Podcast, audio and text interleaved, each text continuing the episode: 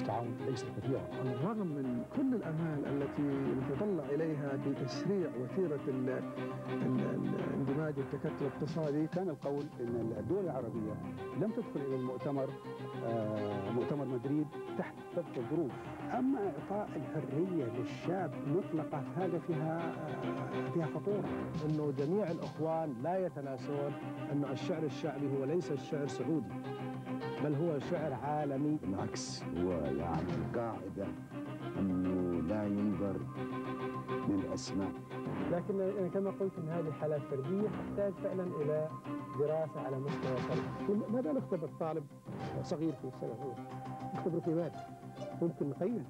طبيعة حال فضل الله سبحانه وتعالى ثم بجهود سمو الامير فيصل وصلت الرياضة السعودية للعالمية. ليس في كرة القدم إنما في عدة ألعاب أخرى. الدولة افترض انه ما تضع شروط قاسية وحد على المواطن، هذه حاجة شخصية للمواطن، المفروض انها تنبع من المواطن نفسه. أما الناحية أيضا المهمة آه، أو الأهم وهي كيف يستثمر الموظف وقته عندما يحضر إلى العمل؟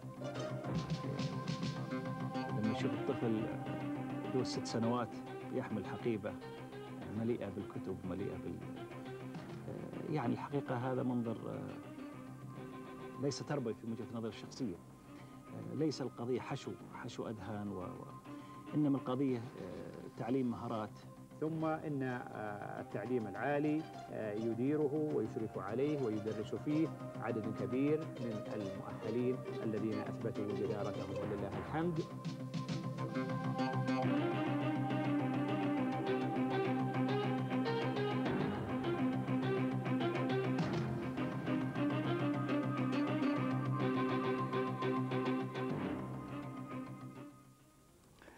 سيداتي وسادتي السلام عليكم ورحمة الله وبركاته. بعد انتهاء أعمال القمة الخليجية الأخيرة في أبو ظبي يوم الأربعاء الماضي عقد الأمين العام لمجلس التعاون الخليجي ووزير خارجية الإمارات العربية المتحدة مؤتمرا صحفيا أجاب فيه على أسئلة الإعلاميين وكانت أسئلة الصحفيين العرب على نحو خاص أشبه بمرافعة عن جملة من القضايا والهموم بامتداد الجغرافيا العربية. الأسئلة حملت في طياتها الإجابة وهي تحتكم إلى تجربة مجلس التعاون كمرجعية وحدوية ناجحة.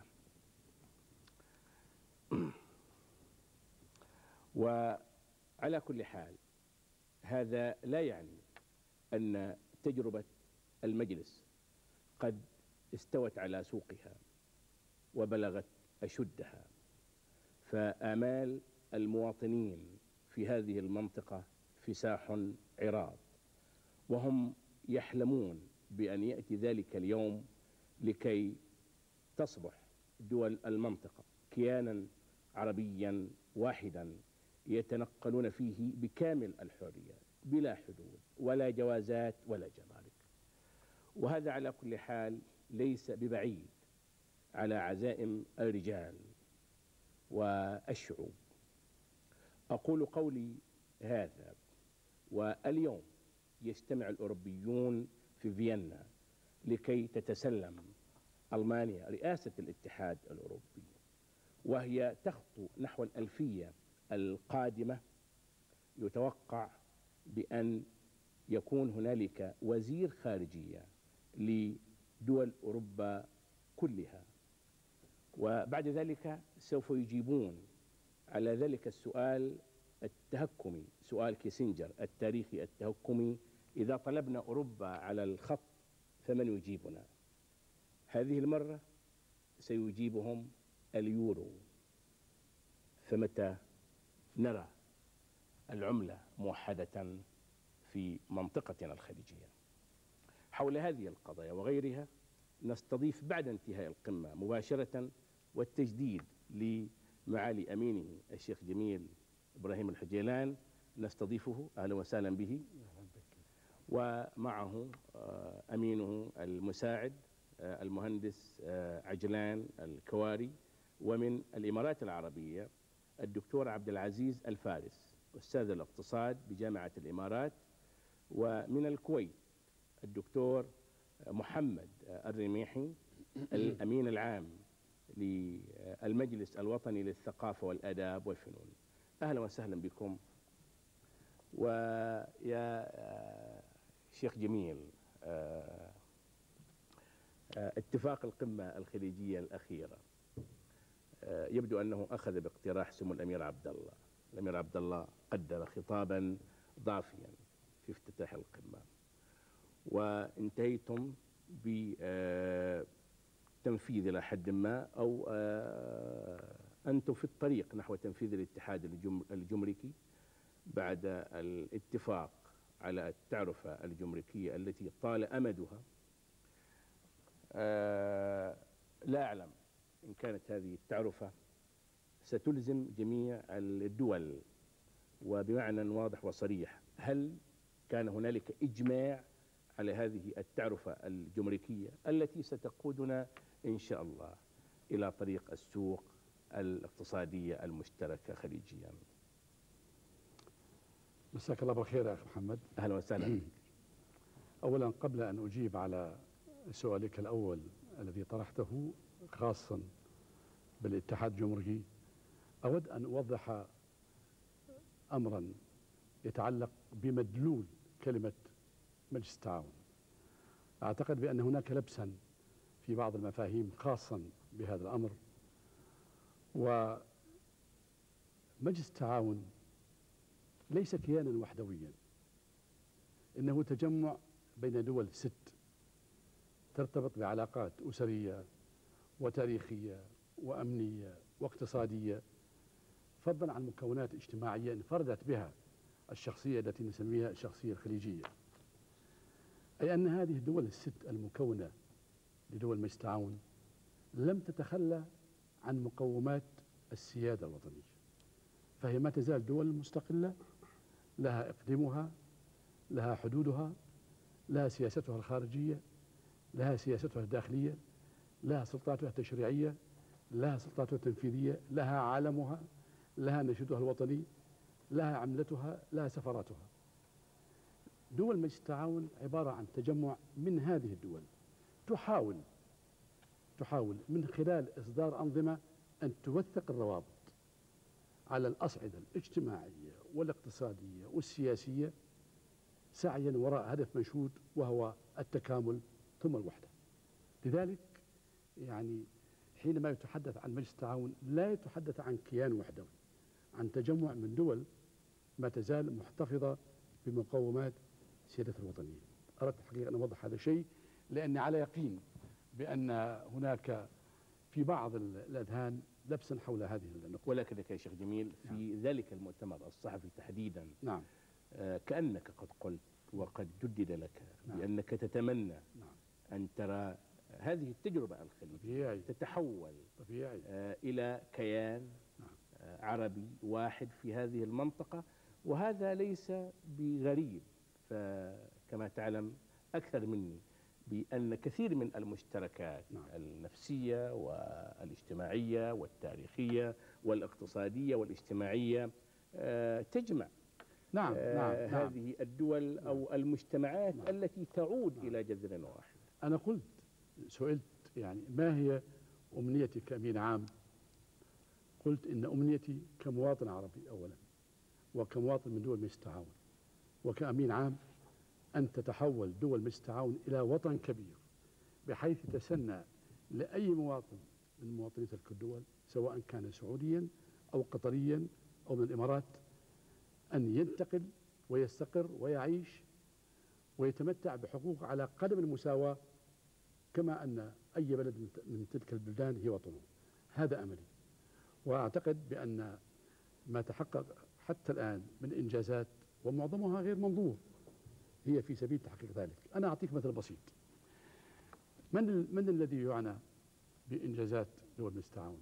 يعنى بها بالدرجة الأولى الاقتصادي رجل أعمال الذي ينتقل من بلد إلى بلد حتى يقيم شبكة أعمال تجارية أو يجري اتصالات من أجل مشاريع معينة في حين أن الموظف المستقر في بلده لا يعنى بما يتم أو بماذا يتم في مجلس التعاون ولكن هناك كثير من الإنجازات غير منظورة التي تستهدف بالنهاية تكوين الوطن الكبير الذي حدثتك عنه. ولكن هذا غير المنظور. نعم. لماذا لا نقاربه إلى المنظور؟ قلت بأن هنالك أكثر من 1400 مصنع. نعم. قلتها في الماضي. نعم. وقلتها الآن نعم. نعم. نعم. فهذه المصانع نعم. يا ترى أين العمالة الخليجية منها؟ آه، أنت تعلم والسادة المشاهدون يعلمون بأن ثمة آه، خللا في بعض دول آه، المجلس. آه، هنالك نسبة فائقة من العمالة ال- الأجنبية تكاد تؤثر على البنية السكانية. أخ محمد موضوع العمالة موضوع شامل وكبير وقد يتعذر علينا التوسع فيه في هذا اللقاء. ما أود أن أقوله بأن العمالة كانت ضرورة اقتصادية لتطوير دول مجلس التعاون. ما كان ليتسنى لهذه الدول أن تنفذ برامج التنمية دون العمالة. ونحن الآن بحاجة أيضا إلى وجود تحقيق تلك العمالة. نعم.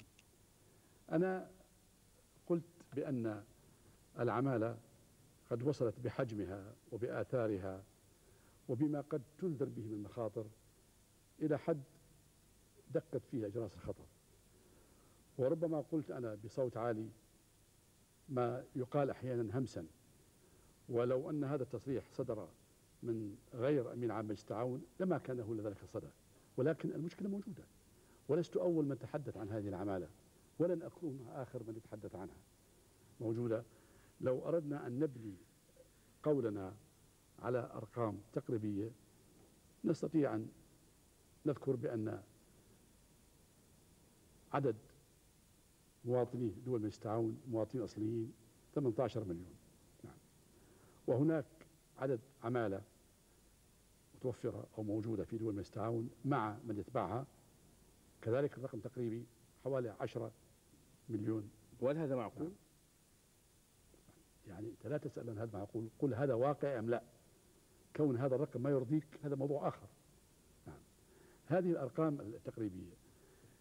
الكثير يتحدث عن المبالغ التي تخرج نتيجة العمالة التي تدفع أجور لها ويقدر هذا المبلغ بما يقارب 20 بليون دولار. نعم. تذهب إلى الخارج. ليس هناك إمكانية يا أخي محمد لأن ندور هذا المبلغ نعمل له recycling في داخل مجلس التعاون لأن إذا أردت أن تستثمر هذه العشرين بليون دولار وتحول دون إخراج دون خروجها مع ذلك يجب أن تتيح للعمالة أن تشتري الأسهم أن تشتري العقار وهذا معناه انغراس جديد لتلك العمالة في دول مجلس التعاون. ولكن مهما قيل عن العمالة ما تزال دول مجلس التعاون بحاجة لها. وهي بلا شك قضية لها تبعاتها الاجتماعية ولها تبعاتها الأمنية ولها تبعاتها الاقتصادية. وأنا متأكد بأن المسؤولين في دول التعاون لا يغمضون عينهم عن هذه المشكلة. ولكن كما ذكرت لك هذا موضوع يتعذر علينا أن نتناوله بهذا اللقاء بشكل موسع. على كل حال لم تجبني آه، على التزام الدول الأعضاء في مجلس التعاون بالتعرفة الجمركية ها الموضوع بس أنا أردت أن أعطي يمكن كلمة لل... للأخ ال- المهندس عجلان الكواري الأمين عام مساعد الشؤون الاقتصادية. ربما يريد أن يتحدث عن باعتبار مسؤول عن الشؤون الاقتصادية ربما يريد أن يتحدث عن موضوع التعرفة. تفضل. وأنا سأعينه في الحديث عنها. شكرا. آه، في الحقيقة آه، أصحاب الجلالة والسمو في آه، دورة أبو ظبي اعتمدوا قرار الجدول الزمني لقيام الاتحاد الجمركي. ويعتبر الحقيقة قيام الاتحاد هذه اللبنة الأولى بالنسبة إلى ال- التكتل الاقتصادي الخليجي سواء كان بشكل آه، وحدة اقتصادية أو سوق اقتصادية مشتركة وغيرها لكن هو الحقيقة لبنة أولى وأساسية. ال- بالنسبة للاتحاد الجمركي الحقيقة هناك عدة مراحل ضرورية جدا آه، لهذه قيام الاتحاد. والمرحلة الأولى حقيقة تبتدي بالاتفاق على التعرفة الجمركية. وهناك الحقيقة آه، اتفاق آه، من جميع دول المجلس أن يجب الإنهاء من هذه التعرفة في خلال عام 1999 وكذلك الحقيقة نقطة الدخول الواحدة وهي من النقاط أيضا الصعبة في من عناصر الاتحاد الجمركي. وكذلك موضوع النظام الموحد للجمارك وهذه هي المرحلة الثانية في سنة خلال أيضا عام 99 حقيقة يجب الانتهاء منها. ومن ثم أيضا الحقيقة هناك كثير من الإجراءات التنفيذية آه، الضرورية آه، لقيام هذا الاتحاد. لذلك الحقيقة وضع تاريخ مارس 1900 آه، 2001 كالانتهاء من هذه الإجراءات وقيام الاتحاد الجمركي. والحقيقة هناك تصميم وتأكيد على عملية الخطوات آه، هذا الشيء. الحقيقة تأخذ وقت عملية قيام الاتحادات الجمركية والاتحادات الاقتصادية تأخذ وقت طويل الحقيقة. فيما يتعلق بالتعرفة هل هنالك سقف زمني حدد للدول التي لها. يعني حتى نبسط الأمور للمشاهد. نعم. أنت أشرت إلى ما تفضل به سمو الأمير عبد الله بن عبد العزيز خاصة بموضوع بموضوع التعرفة. نعم. واتفق على أنه لابد من إنجاز تحديد التعرفة في نهاية 99 لدينا مشكلة اقتصادية مع الاتحاد الأوروبي. نريد أن نبرم اتفاق تجارة حرة مع الاتحاد الأوروبي. ماذا تستهدف تلك الاتفاقية؟ تستهدف هو أن نزيل عقبات الجم- الجمركية التي تعاني منها صادراتنا نعم. لدول الاتحاد الأوروبي. نعم. هناك قناعة بأن الاعتماد على النفط كمورد أساسي أمر مخطوط وبالتالي لابد من التصنيع اعتمادا على النفط وإنتاج صناعة قائمة على مشتقات النفط البتروكيميكال إندستري. تعاني تلك الصناعة من صعوبات. لو أبرمنا اتفاق التجارة الحرة مع ذلك كل الحواجز الجمركية نعم أمام بضائعنا أمام منتجاتنا تسقط في أوروبا وكذلك كل الحواجز الجمركية أمام بضائع أوروبا تسقط بالنسبة لدول التعاون نعم. نريد أن نفتح مداخل لصناعتنا. بطبيعه الحال لا نستطيع أن نبرم اتفاق التجاره الحره إلا إذا أقمنا الاتحاد الجمركي لذلك كان موقف سمو الأمير عبد الله وهذا الموقف المبني على استشعار للمصلحة العامة وللظروف المحيطة بالمنطقة هو ان يجب أن ننتهي من هذه القضية ونقيم الاتحاد الجمركي في فترة لا تتجاوز عام 2001 على أن ننتهي من حجر الزاوية الذي لا يمكن أن نبرم اتفاق تجارة حرة مع أوروبيين من دونه وهي التعرفه طب الموحدة على افتراض أن دولة من الدول آه لم توافق على هذا على حال هذا الأمر فاعلون؟ طرح هذا الأمر طرح المادة 24 من الاتفاقيه الاقتصادية تقول بأن الدولة التي لا تستطيع أن تلتزم بمقتضيات الاتفاقيه تعطى لها فرصة حتى على الأقل تلملم أمورها وبالتالي تلحق. نحن نتمنى أن يتم الاتحاد الجمركي من الدول الست ولكن إذا لم يتمكن مجلس التعاون من إنجاز هذا الاتحاد من خلال الدول الست فالدول الباقية تنظر فيما تراه المصلحة وتقر ما تراه. في هذا السياق أيضا تضمن خطاب سمو الأمير عبد الله آه، على موضوع أساسي يتعلق بهذا الانحدار الرهيب في سعر النفط ودعا في خطابه إلى ضرورة اتخاذ استراتيجية سعرية. آه، غير أن الملاحظ بأن آه، بيان القمة وتوصياته آه، لم يتخذ اجراء آه، فوريا أو عاجلا أمام هذا الانحدار ال- ال- المخيف في سوق النفط. لماذا؟ اولا التعامل مع النفط يجب أن يتم بكثير من الحيطة والحذر والتروي ولا يمكن أن يتعامل به- به معه على أساس ردود فعل. آه انخفاض أسعار النفط بلا شك ترك آثاره على اقتصاد دول مجلس التعاون وهذا الأمر نوقش وكان أحد القضايا الأساسية التي تناولها القادة في اجتماعهم الأخير. هذا موضوع فني لا أستطيع أن أولج نفسي فيه وأدلي ب- بأراء قد لا تكون سليمة. أنت قلت أن أن الدكتور ماجد منيف معنا. نعم وربما الدكتور ماجد باعتباره خبير في شؤون البترول آه، يفيدنا في هذا الشيء. إذا تسمعنا الآن يا دكتور ماجد آه، هل نسمع إجابتك أو مداخلتك؟ على كل حال ونحن في في انتظار. مهندس مهندس آه، عجلان. نعم. دكتور ماجد أهلا وسهلا بك. دكتور ماجد؟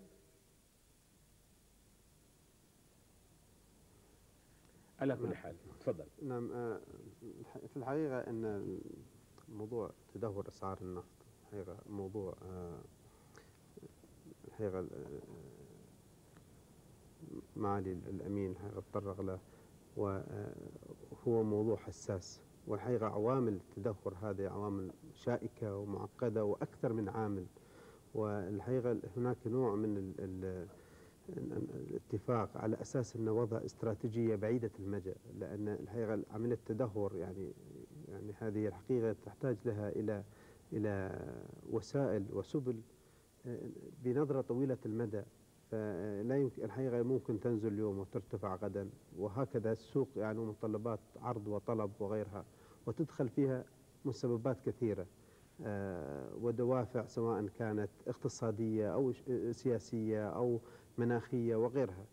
فالحقيقة ان ان ان ه- إن دول المنتجه عموما وخاصة دول مصدر البترول دول الاوبك دول آه، منظمة البترول مصدر البترول هي يجب إن نظر تنظر إلى أسعار البترول بنظرة استراتيجية طويلة المدى. هذه. على كل حال. آه نسمع أيضا آه مشاركة ال- الأخ من الإمارات العربية المتحدة الدكتور عبد العزيز الفارس. دكتور عبد العزيز مساء بسم الخير الله الرحمن الرحيم. أهلا وسهلا بك. آه، أشكر الأخوان في التلفزيون السعودي على إتاحة هذه الفرصة لي للمشاركة في هذه الندوة ال- الهامة. وحبيت الحقيقة أبتدي في النقطة اللي ذكرها مقدم البرنامج آه، بشأن آه، خطاب ال- الذي وجهه الأمير عبد الله في بداية المؤتمر. وباعتباري واحد من المتابعين لما يحدث في آه، القمة الخليجية. آه، كان هناك استبشار كبير من قبل آه، كثير من الناس والمراقبين بالخطاب الذي وجهه الأمير عبد الله ولكن للأسف ما جاء في البيان الختامي لم يعبر بأي شكل من الأشكال عن أي شيء من هذه المخاطر والمحاذير التي نبه إليها الخطاب. وبالذات في قضيتي آه، السوق النفطية والتعرفة الجمركية. في موضوع السوق النفطية ال- ال- العبارة التي جاءت في البيان الختامي جاءت بصيغة آه، دبلوماسية آه، وصيغت بعبارات آه، شديدة ال- الدقة والحساسية. ولذلك استقبال السوق النفطية لها كان استقبال سيء جدا وهذا أدى إلى مزيد من تدهور أسعار النفط. ال- ال- الوضع في دول الخليج وبالذات آه، الآثار الهائلة التي آه، آه، أحدثها الانهيار الكبير في أسعار النفط أعتقد أنها كانت تقتضي تخصيص معظم الجلسة أو معظم المؤتمر إلى هذا الحدث الكبير الذي يؤثر على مستوى الرفاه ومستوى الأوضاع الاقتصادية والتنمية الاقتصادية والمنجزات التي حققتها هذه الدول خلال فترة طويلة. ولكن يبدو من البيان الختامي أن هذه القضية لم تحز إلا على مقدار قليل جدا من البيان الختامي ومن ثم أفترض أنها أيضا حازت على مقدار قليل جدا من المناقشات في المجلس. الموضوع الآخر أيضا موضوع التعرفة الجمركية. في واقع الأمر موضوع التعرفة الجمركية نحن من عام 1981 ونحن ندور حول في حلقة مفرقة في قضية التعرفة الجمركية. طبعا نحن نعرف أن القرارات الاقتصادية الرئيسية التي آه، آه، آه، يعني اتخذتها القمة الخليجية بدأت بقرارات الوزراء المعنيين في يونيو آه، 1981 ومنذ ذلك الحين إلى الآن نحن لم ننجز سوى أو حتى لم ننجز قضية التعرفة الجمركية حتى الآن بينما كانت طموحاتنا كبيرة جدا وتشمل أمور منها أنا على سبيل المثال أحددها في الأشياء التي حددت تحرير التجارة البينية وتوحيد التعرفة الجمركية تعميق المواطنة الاقتصادية تنسيق سياسات واستراتيجيات التنمية تنسيق السياسات النقدية والمالية تشجيع المشاريع المشتركة تقريب سياسات التعامل مع العالم الخارجي. طبعا نحن لا نزال في المرحلة الأولى آه، من هذه الخطوات. نعم. آه، في يعني آه، في واقع الأمر التعرفة الجمركية عندما بدأنا عام 1981 آه، 1981 كان العالم مختلف، كان هناك سياسات حمائية شديدة وقوية في جميع دول العالم. آه، طبعا الوضع تغير على درجة كبيرة جدا بعد نجاح آه، مفاوضات الجات وإنشاء منظمة التجارة العالمية. ومن ثم فالخطوات التي لا نزال نتبعها حتى الآن في موضوع التعرفة الجمركية ثم الاتحاد الجمركي ثم السوق المشتركة أعتقد أنها يعني آه، خطوات عفى عليها الزمن. لابد أن إحنا نبدأ نفكر من جديد ما هي الأشياء التي ينبغي علينا أن آه، على الأقل نلاحق بها الزمن إن لم يكن مطلوب منا أن نسابق الزمن. وماذا ينبغي علينا يا دكتور عبد الرزاق ماذا ينبغي علينا؟ هل بالإمكان أن تطرح لنا آه، تصورات وحلول؟ بإمكان آه، الإخوان في الأمانة أو صناع القرار أن آه، يسترشدوا بها؟ نعم أنا أعتقد أن هناك حصلت تطورات مهمة جدا آه، على الس- على الساحة الدولية في المجال الاقتصادي نتيجة التطورات الهائلة التي أحدثتها اتفاقية الجات ثم آه، عضوية معظم دول الخليج في منظمة التجارة العالمية. وأعتقد أن الخطوة الأولى التي ينبغي على الأمانة العامة أنها تستدعي مجموعة من الخبراء الاقتصاديين المحليين الخليجيين ثم العالميين وتبدأ تسأل السؤال أنه ماذا ينبغي أن نفعل؟ أعتقد أن هذا يعني خطوة مهمة لأن جدول الأعمال الذي نسير عليه الآن قد وضع منذ سنوات طويلة جدا قد لا تتناسب مع المرحلة جميل. الحالية على كل لكن حال هناك على الأقل ثلاث أشياء أنا ودي أن أشير لها إشارة يعني سريعة أنها إذا سمحت. نستطيع أن نفكر فيها في الوقت الحالي ال- الموضوع العملة الموحدة على سبيل المثال لأن التجربة الآسيوية أثبتت أن موضوع العملة من القضايا الخطيرة جدا التي ممكن أن تؤثر على منجزات دول الخليج وعلى منجزات الدول الآسيوية كما حدث أنه انهيار العملة أدى إلى انهيار الاقتصاد بأكمله. طبعا ما يؤدي إلى يعني لماذا لا نفكر بهذا الموضوع؟ خاصة وأن جميع الدول الخليجية طبعا آه، تتبع نفس السياسات الاقتصادية ال- آه، ترتبط بالدولار بشكل أو بآخر آه، أو بسلة من العملات مثل الكويت ولكن الدولار يهيمن عليها بشكل كبير جدا.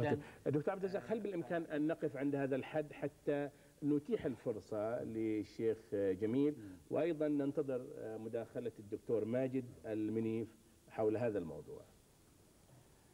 آه، أود أشكر للدكتور عبد العزيز ما تفضل به من إيضاحات من إيضاحات. ونقطة جديرة بأن تجلى وهو أن البيان الختامي عادة لا ينقل كل ما قد يدور من مناقشات في الجلسات المغلقة ولا أعتقد بأن جملة تزود أو تنقص متعلقة بالنفط بإمكانها أن تؤثر في أسواق النفط العالمية حتى لو جاءت في بيان ختامي صادر عن دول مجلس التعاون. هناك عوامل كثيرة تلعب دور حاسم في تحديد سعر النفط والقول بأن لهجة البيان المتعلقة بموضوع النفط تعكس على أن هذا الموضوع لم يعطى حقه من الاهتمام في المناقشة وقول لا ينطبق مع الواقع لأني أنا الذي شاركت في الاجتماع المغلق آه الذي عقده القادة وأعلم علم اليقين وأزن كل كلمة أقولها. إن موضوع النفط كان موضوعا في غاية الأهمية في مداولات قادة دول مجلس التعاون آه تحدث الدكتور عن عن وجوب مبادرة الأمانة العامة للاستعانة بخبراء. الواقع يا دكتور دول مجلس التعاون ليس بحاجة لخبراء لدينا الكثير من الخبراء الموجودين أساتذة جامعات وزراء مالية. القضايا المطروحة على دول مجلس التعاون ذات الطابع الاقتصادي تناقش بشكل مستمر ولكن هناك أسباب متعلقة بالمكونات الاقتصادية لكل دولة. هناك دولة ترى في التعرفة الجمركية المرتفعة مصدر أساسي من مصادر دخلها. هناك دولة لا ترى فيها إطلاقا هذا الرأي وتعتقد بأنها تكتفي بواحد بالمئة أو اثنين بالمئة من الرسوم على صادراتها. هذا الاختلاف هذا التباين في المكون الاقتصادي لا يحل بين ليل وضحاها. وأنت تعلم بأن موضوع الاتفاقية الاقتصادية منذ عام 1982 83 هو موضوع بحث ولكن علينا أن ننظر ماذا تم خلال الأعوام الثلاث الماضية. صنفت السلع انتهت وثيقة التفويض مجلس التعاون سيبدأ مفاوضاته مع الاتحاد الأوروبي في شهر يناير القادم وسيقود فريق التفويض الخليجي الدكتور جبار صريس السلع كلها صنفت 1289 سلعة لم يبقى منها إلا 28 سلعة. هناك دولة من دول مجلس التعاون لها رؤية خاصة في هذا الأمر مرتبطة بمصلحتها وبالمكونات الاقتصادية لها. نحن حريصون على أن يتم الاتحاد الجمركي بدول مجلس التعاون الست. لا نريد أن نقيم سابقة بأن تسير تلك القافلة بخمس ويبقى واحد منها منفرد. ولكن إذا المصلحة اقتضت في نهاية الأمر في نهاية 99 أن تمشي الخمس ويبقى السادس سيعطى مهلة لكي يراجع نفسه على أمل أن ينضم لتلك القافلة جميل. معنا مكالمة؟ ألو السلام عليكم. عليكم السلام. كيف الحال يا أستاذ محمد رضا؟ أهلا وسهلا. آه، معالي الأمين العام لمجلس التعاون. من معي؟ شيخ جميل. معك عبد الله الشراري من الدوحة. أهلا وسهلا حياك الله. الله يبارك فيك يا أستاذ محمد. أريد أن أوجه سؤال للامين العام للمجلس التعاون الشيخ جميل الحجيلاني تفضل. تفضل سيدي الموضوع آه، الموضوع آه، يتعلق آه، بأبناء الجالية الخليجية في الدوحة. آه، والموضوع أن تم إنهاء خدمات جميع أبناء مجلس التعاون العاملين في وزارة الداخلية ممثلة بقوة الشرطة. آه، من دون سابق إنذار مع العلم أن بيننا وبينهم عقود لم تنتهي مدتها بعد. وعندنا أولادنا في المدارس وما كنا ننتظر من إخواننا أهل قطر الذين سموا دوحتهم دوحة الجميع وهي كذلك. وأولادنا كما ذكرت في المدارس ومديونياتنا لا يعلم بها إلا الله سبحانه وتعالى.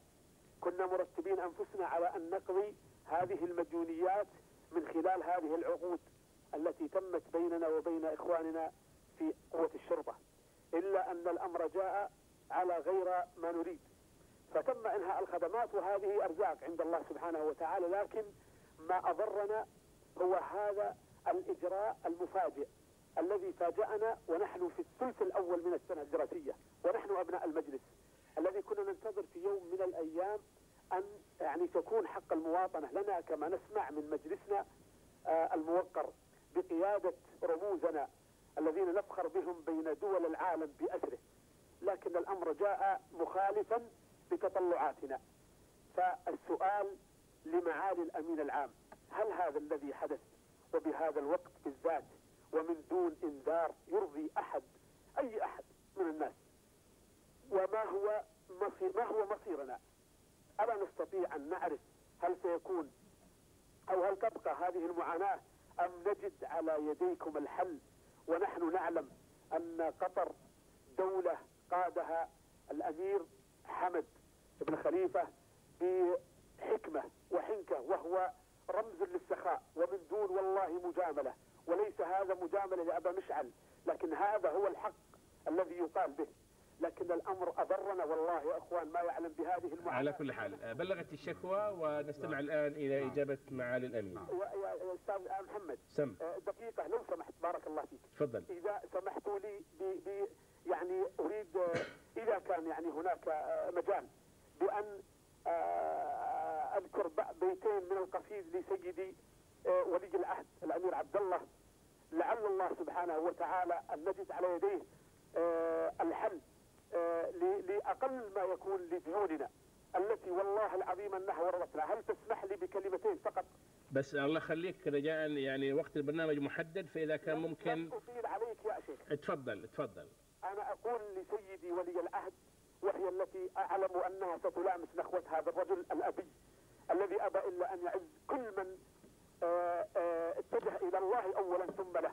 ونحن مئة رجل سعودي في قطر. أقول وأنت وأنت بالعليا على هام الغمامة يا رفيع القدر. يا فداك الشحيح يا عمود البيت. يا ذروة السنامة يا عزيز الجانب الفزعة. تفيح طاحة الهقوة يا رفيع القدر. عدتك الملامة ما يجيك اللوم. يا الوجه الفليح فيك عز وفيك مجد وبك شهامة. كل علم غانما. فيكم سريح يا زعيم الأمر. وأنتم فوق هامة ما بخلتوبة على غير الجريح باسر الفزعة. يا بن راع الزعامة يوم تصلكم تقوم ولا تطيح القصيدة. أطول من ذلك لكني لا أريد على كل حال. آه، شكرا جزيلا ونترك المجال لمعالي الشيخ. تفضل الشيخ جميل. جميعا أننا نتحدث من. معاناة لا يعلمها إلا الله.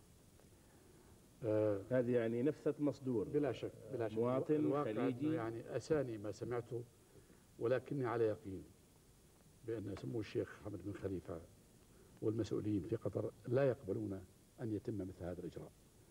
وأنا سمعت رواية من جانب واحد واستهدافا للحق والتحري الموضوعي أود أن يتفضل الأخ صاحب الشكوى أن يكتب إلي منذ الغد بكل ما لديه من تفاصيل وأعيده بأني سأرفعها.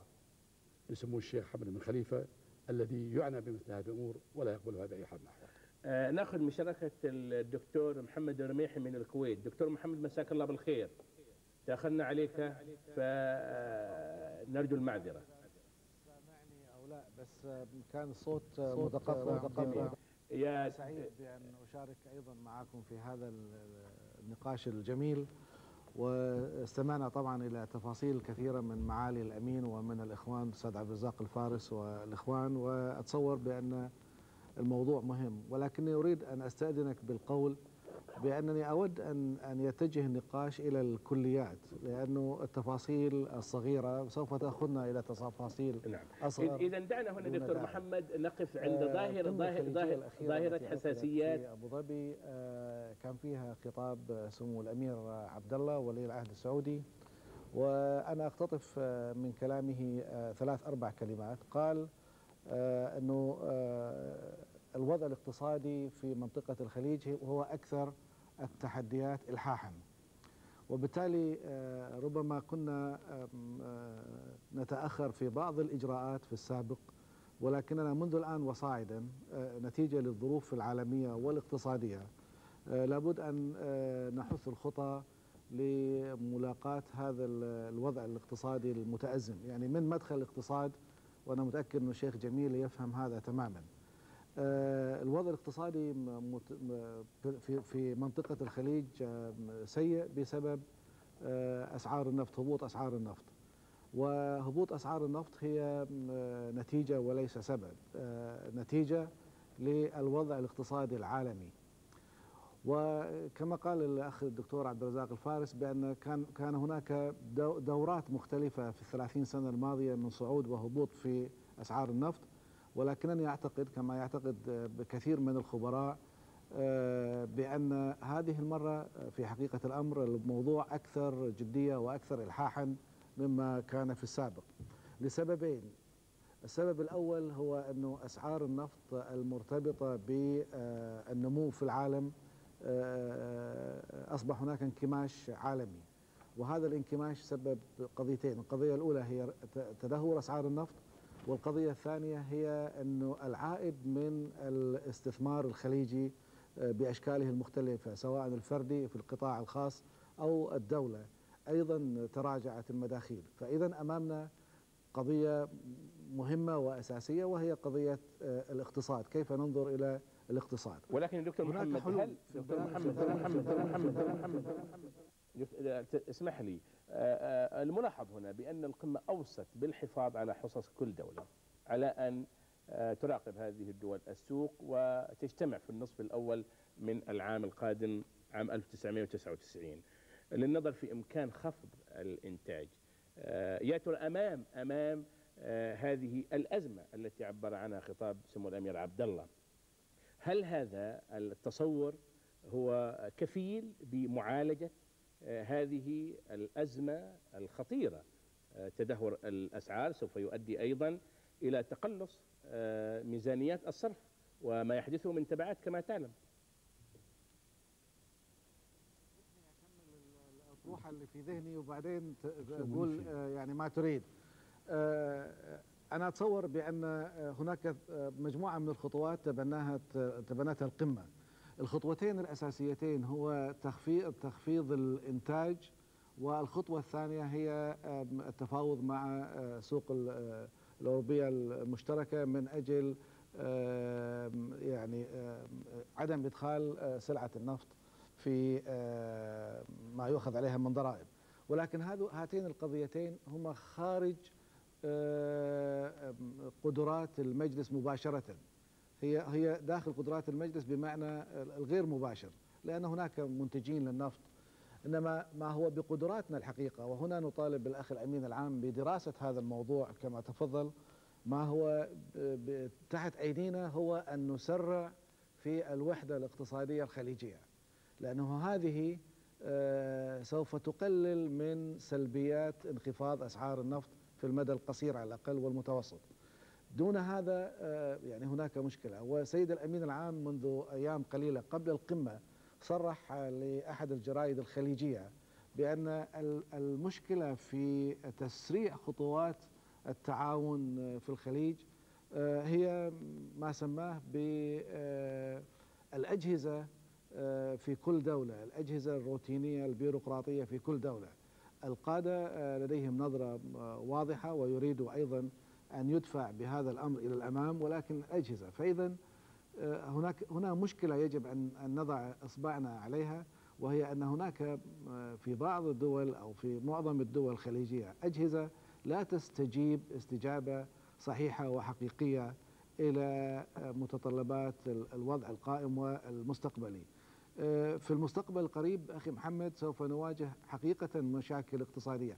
ولعل زميلنا اللي تكلم الآن من قطر في اللي اللي قال إنه نعم. الإخوان في قطر.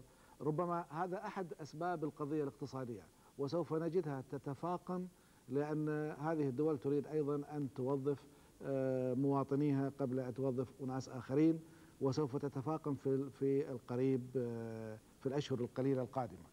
لذلك sorry sorry. آه، على كل حال آه، آه، فرصة ال- التعقيب آه، لمعاليكم. آه، استمعتم الآن إلى يعني جملة من المداخلات وهي تنطوي على آه، وجهة نظر نقدية لأداء دول المجلس. على أي حال ال- السؤال اللي وجه إلي حول البطء في التنفيذ ما كان يتناول قضية أساسية كقضية النفط. كان الحديث في معرض الإجابة عن تتابع صدور الأنظمة في الوقت الذي نرى لا نرى فيه آثار لتلك الأنظمة التي صدرت. آه، الدكتور الرميحي تحدث عن موضوع النفط. أنا قلت في البداية أنه هذا موضوع له جوانبه الفنية نعم. قد يتعذر على المشاركين في هذه الندوة أن آه، يتناولوه بشكل آه، يستجيب لحاجة المستمعين إلى الوقوف على دقائق الموضوع. طبعا موضوع النفط من العوامل اللي تلعب دور أساسي في في تحديد سعره هي قاعدة العرض والطلب نعم. كل ما كان الفائض في السوق يتجاوز الحاجة إليه وما هو حصل الآن. كل ما كان نعم نعم. ومثل ما قال الدكتور عبد العزيز أسعار النفط مرت بدورات كثيرة من العلو والانخفاض ولكن هناك عوامل أخرى كذلك كثيرة ومتعددة آه، تلعب دورها في تحديد آه، الأسعار. لا أريد أني أدخل في هذا الموضوع لأنه ليس هو مجال معنا مكالمة آه، نعم. يا ليتها تكون أتمنى مكالمة الدكتور أتمنى ماجد. لو الدكتور مني ماجد منيف يدخل معنا في الموضوع. أتمنى ذلك. من نعم. معنا؟ نعم. ألو؟ ألو؟ تفضل ألو. نعم. السلام عليكم. عليكم السلام. معك طارق الحساوي من الكويت. أهلا وسهلا حياك يا. هلا. أحب أول مرة أسلم على معالي ال- الأستاذ جميل لو الحجيلان تقصر أنا خليك على صوت التلفزيون إذا سمحت يا أخ طارق. إيه إن شاء الله. أقول أحب أشكر معالي الأستاذ جميل الحجيلان الدكتور محمد رميح طبعا معانا أعتقد يسمعنا. تفضل. آه بالنسبة للمصانع السعودية أو مصانع الخليجية بأصح سبق كان إن في معارض تقام في جميع أنحاء دول مجلس التعاون. الآن ما ما قمنا نشوف الشغلة هذه. هذه واحدة. الشيء الثاني نعم. الأسهم بالنسبة لدول مجلس التعاون. كنا ندخل السعودية ونشتري أسهم ونرجع. تراجع الآن إحنا عندنا بالكويت سوق الأسهم. يمكن دكتور محمد رميح عارف الشيء هذا. تراجع كثير جدا جدا جدا إلى الأدنى. وخسائر فيها. وإحنا نقول مثل ما قال الدكتور إن سبايبها آه تنزيل البترول. جاوب على السؤال هذا. هذه واحدة. أستاذ محمد معاي أنت؟ معك تفضل. إيه. فالآن إحنا اللي نبي ما تقوم مصانع الصوت غير واضح وكأنه انقطع. ليه ما نقول الخليجية؟ نعم. على كل حال. هل المهندس عادل نعم آه، بالن- الحقيقة بالنسبة لسؤال الأخ طارق من الكويت آه، عن موضوع المعارض الحقيقة هو كان آه، الآن تقرر أن يعرض أن تتم هذه المعارض آه، الخليجية في كل من دول الخليج آه، خلال كل سنتين. فيمكن هذه الفترة في هذه الفترة آه، يمكن ما شافوا شيء. آه، الحقيقة أنا في عندي بس موضوع آه، تعليق على الحقيقة ال- موضوع الأسهم. آه، الدكتور آه، عبد العزيز من الإمارات الحقيقة تكلم عن العملة الموحدة. وموضوع العملة الموحدة الحقيقة هو من من أهداف آه، ما في شك الأهداف الاقتصادية المطلوبة آه، بالنسبة للمجلس. لكن الحقيقة في الوقت الحالي إحنا لا آه، لا نرى أنه هو أولوية بسبب إن الحقيقة العملات الخليجية كلها ما شاء الله عملات قوية. وبالنسبة ل تقريبا آه، صرفها واحد بالنسبة إلى الدولار وغيرها. وأيضا بسبب الحقيقة التغيرات الموجودة في آه، في العالم خاصة بالنسبة إلى خروج عملات جديدة مثل عملة اليورو والحقيقة وال- و- و- والحقيقة الانتظار لر- لرؤية آه، تأثير هذه العملات الجديدة آه، والمتغيرات الحقيقة العالمية. أعتقد انه سيعطي ال- العملة الموحدة الخليجية في المستقبل أكثر الحقيقة آه، صلابة. فالحقيقة ليس من أولويات في الوقت الراهن. بالنسبة أيضا الحقيقة أنا أريد أن أعلق على آه، آه، أول حقيقة الاتفاق مع الدكتور رميحي من الكويت.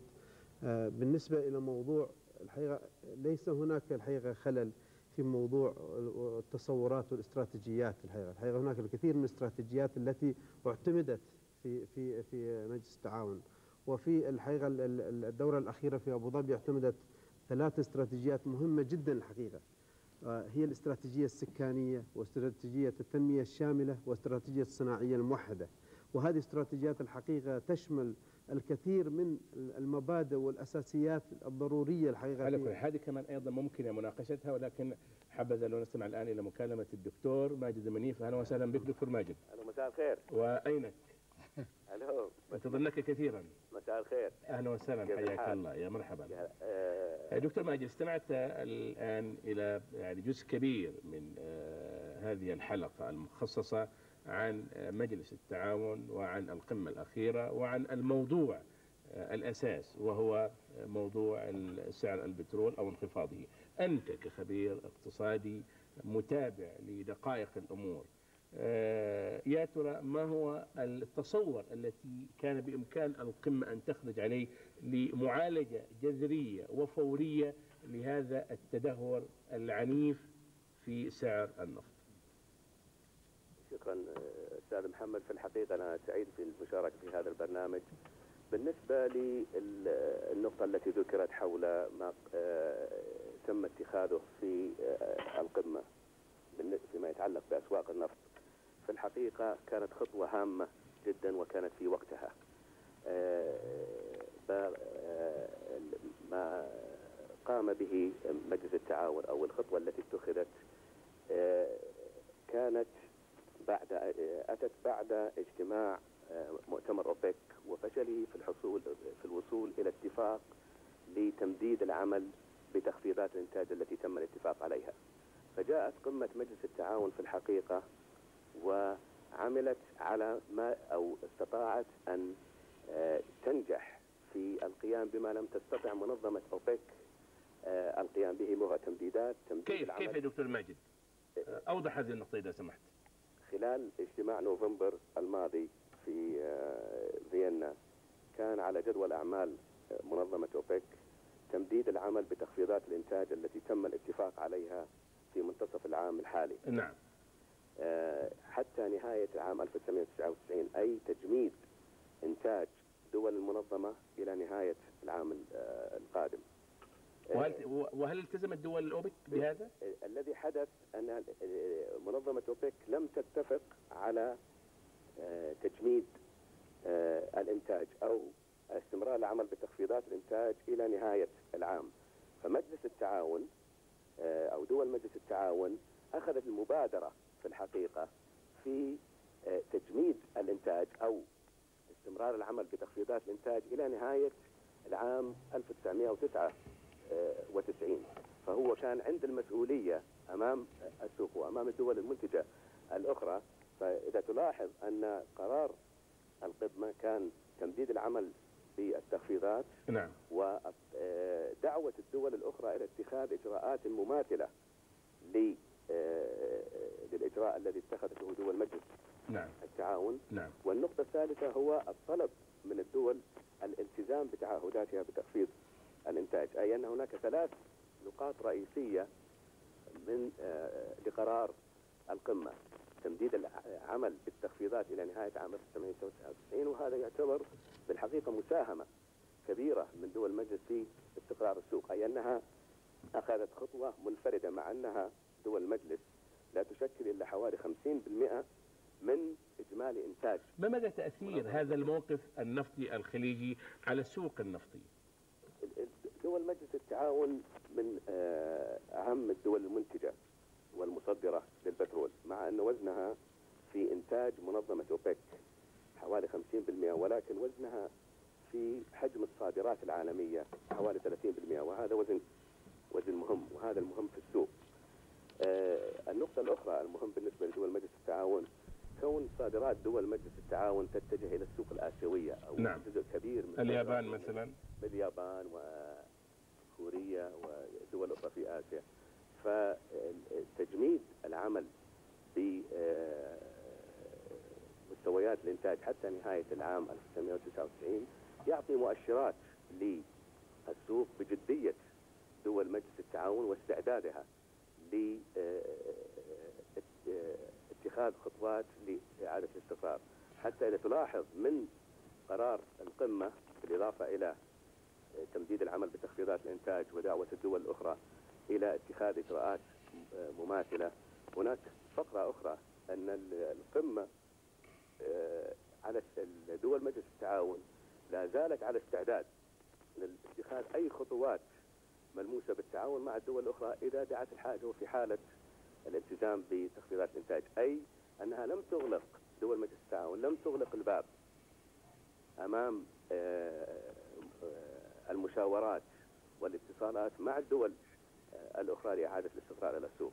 يجب أن نلاحظ هنا أن دول مجلس التعاون تستطيع أن تتحرك وأن تتخذ مبادرة ولكن المطلوب أيضا من الدول الأخرى جميل. ترد؟ آه، على كل حال. وضحت النقطة آه، أتمنى هنا في الواقع على ال- الدكتور عبد الرزاق الفارس أن أن آه، يعقب على ما ذكره الدك- الدكتور ماجد المنيف. أنت قلت قبل قليل بأن توصيات القمة لم ترتفع إلى مستوى وتيرة الخطاب الناصح الذي قدمه سمو الأمير عبد الله. الدكتور ماجد أوضح لنا من خلال هذه المداخلة أن ثمة موقفا واضحا وملتزما بتخفيض الإنتاج ماذا تقول؟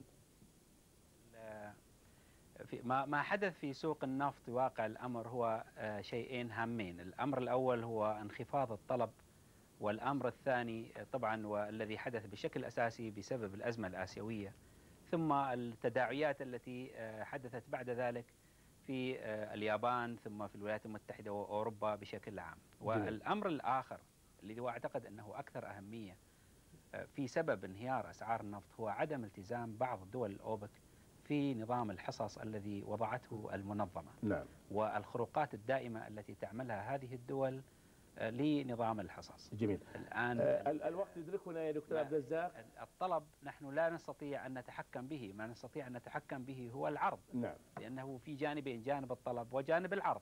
نعم. ال- الجانب العرض نحن يعني في يعني انتقادي للبيان أنه إذا كان نحن نواجه بعض الأحيان خط- مخاطر عسكرية نسميها بأسمائها.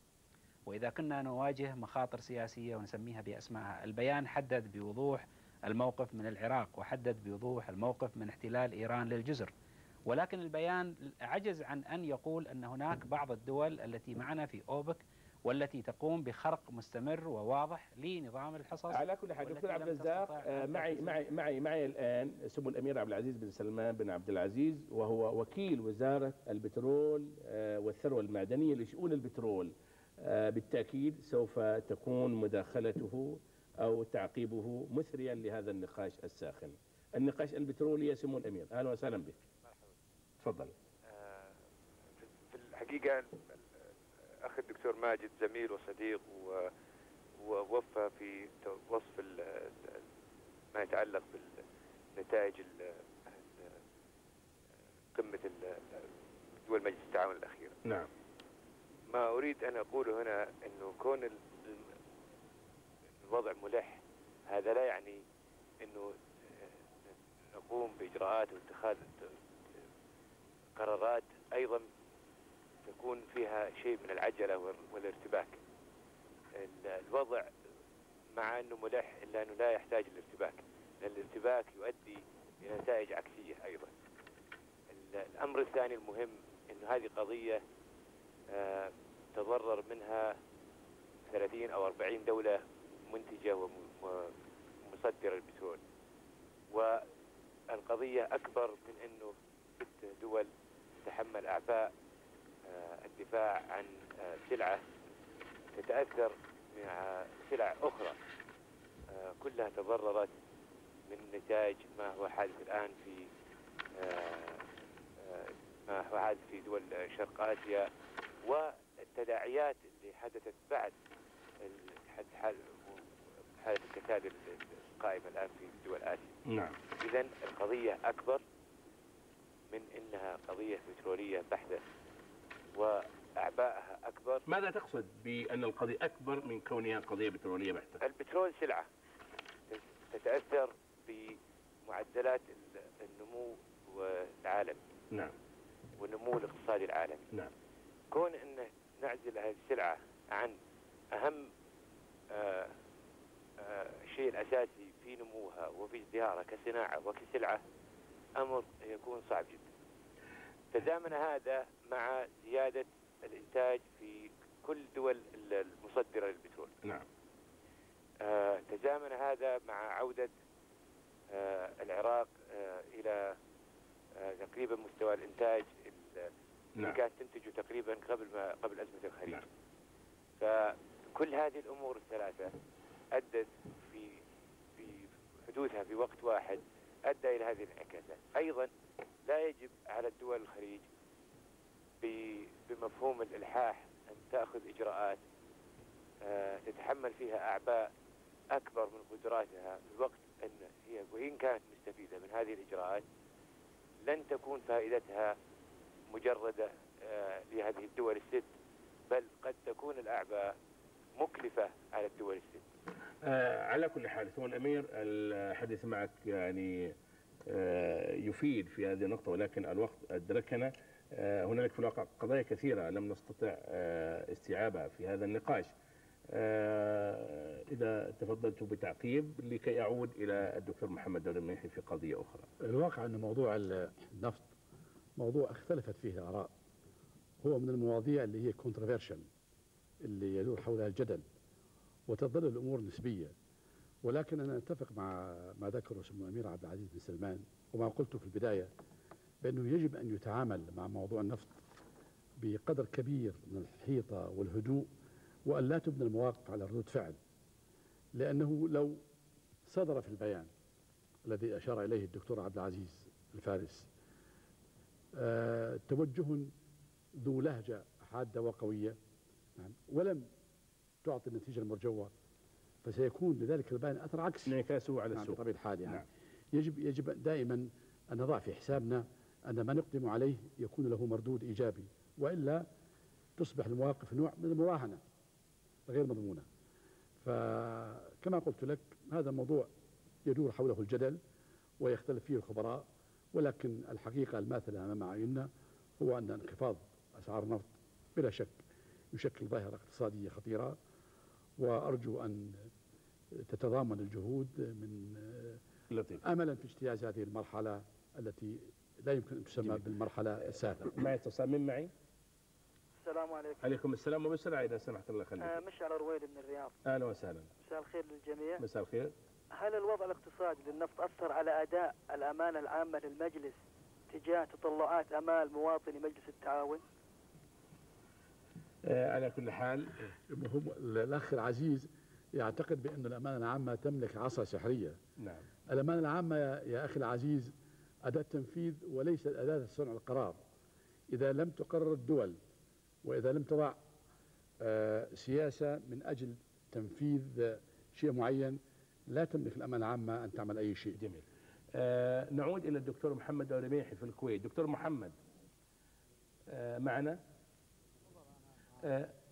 دكتور محمد خطاب سمو الأمير عبد الله أيضا تضمن آه قضية قد تهمكم أنتم معشر المثقفين والمفكرين والمنظرين موضوع العولمة. آه أصبحنا اليوم لسنا بمعزل عما يجري في العالم وهنالك تحديات حضارية خطيرة تدهمنا. يا ترى هل استعدت مجتمعات دول المنطقة لمواجهة هذا التيار العولمي الكاسح أخي محمد العولمة هو مفهوم جديد كما تعرف ظهر في وقت متأخر كمفهوم ولكن كواقع حقيقي إحنا داخلين العولمة منذ اكتشاف أول بئر للنفط في منطقتنا نعم. بمعنى أن هناك شركات أجنبية وهناك سلع جديدة دخلت على مجتمعاتنا وبالتالي تغيرت القيم أو بعض القيم على الأقل وبالتالي إحنا يعني في في داخل العلاقات العالمية أو في العولمة منذ فترة طويلة آه إنما آه ظهر مفهوم العولمة كمفهومه الحديث آه في في فترة ما بعد التسعينات وما بعد انهيار نعم. إمبراطورية الاتحاد السوفيتي نعم. وغلبه السوق أو أفكار السوق والديمقراطه إلى آخره من المفاهيم الجديدة. ولكن أفضل ما ما قرأته أنا عن العولمة دكتور, دكتور هو محمد في حقيقة الأمر. دكتور محمد المخرج الآن كانه قد أيوة. حدد لي الوقت.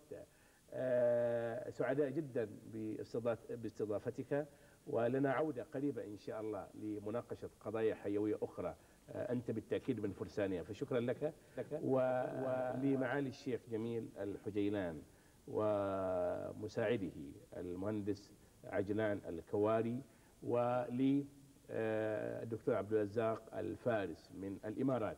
ولكن قبل أن أختتم هذه الحلقة شيخ جميل مع هذا التيار العولمي الذي أصبح يخترق الأسواق والمجتمعات ومع تحرير التجارة وانسياب البضائع. يا ترى ما هو موقف الأمانة العامة من حرية تنقل المواطن الخليجي؟ لا زال لا يزال يعاني عند مراكز الجمارك والحدود يحاسب على المطبوعة البسيطة على البضاعة البسيطة. حتى الآن وكأنه إذا تحرك أو انتقل من دولة خليجية إلى أخرى كأنه انتقل من دولة خليجية إلى دولة غير خليجية. وبسرعة لك نصف دقيقة لا أو دقيقة. لا تسأل ما هو موقف الأمانة العامة اسأل ما هو موقف الدول.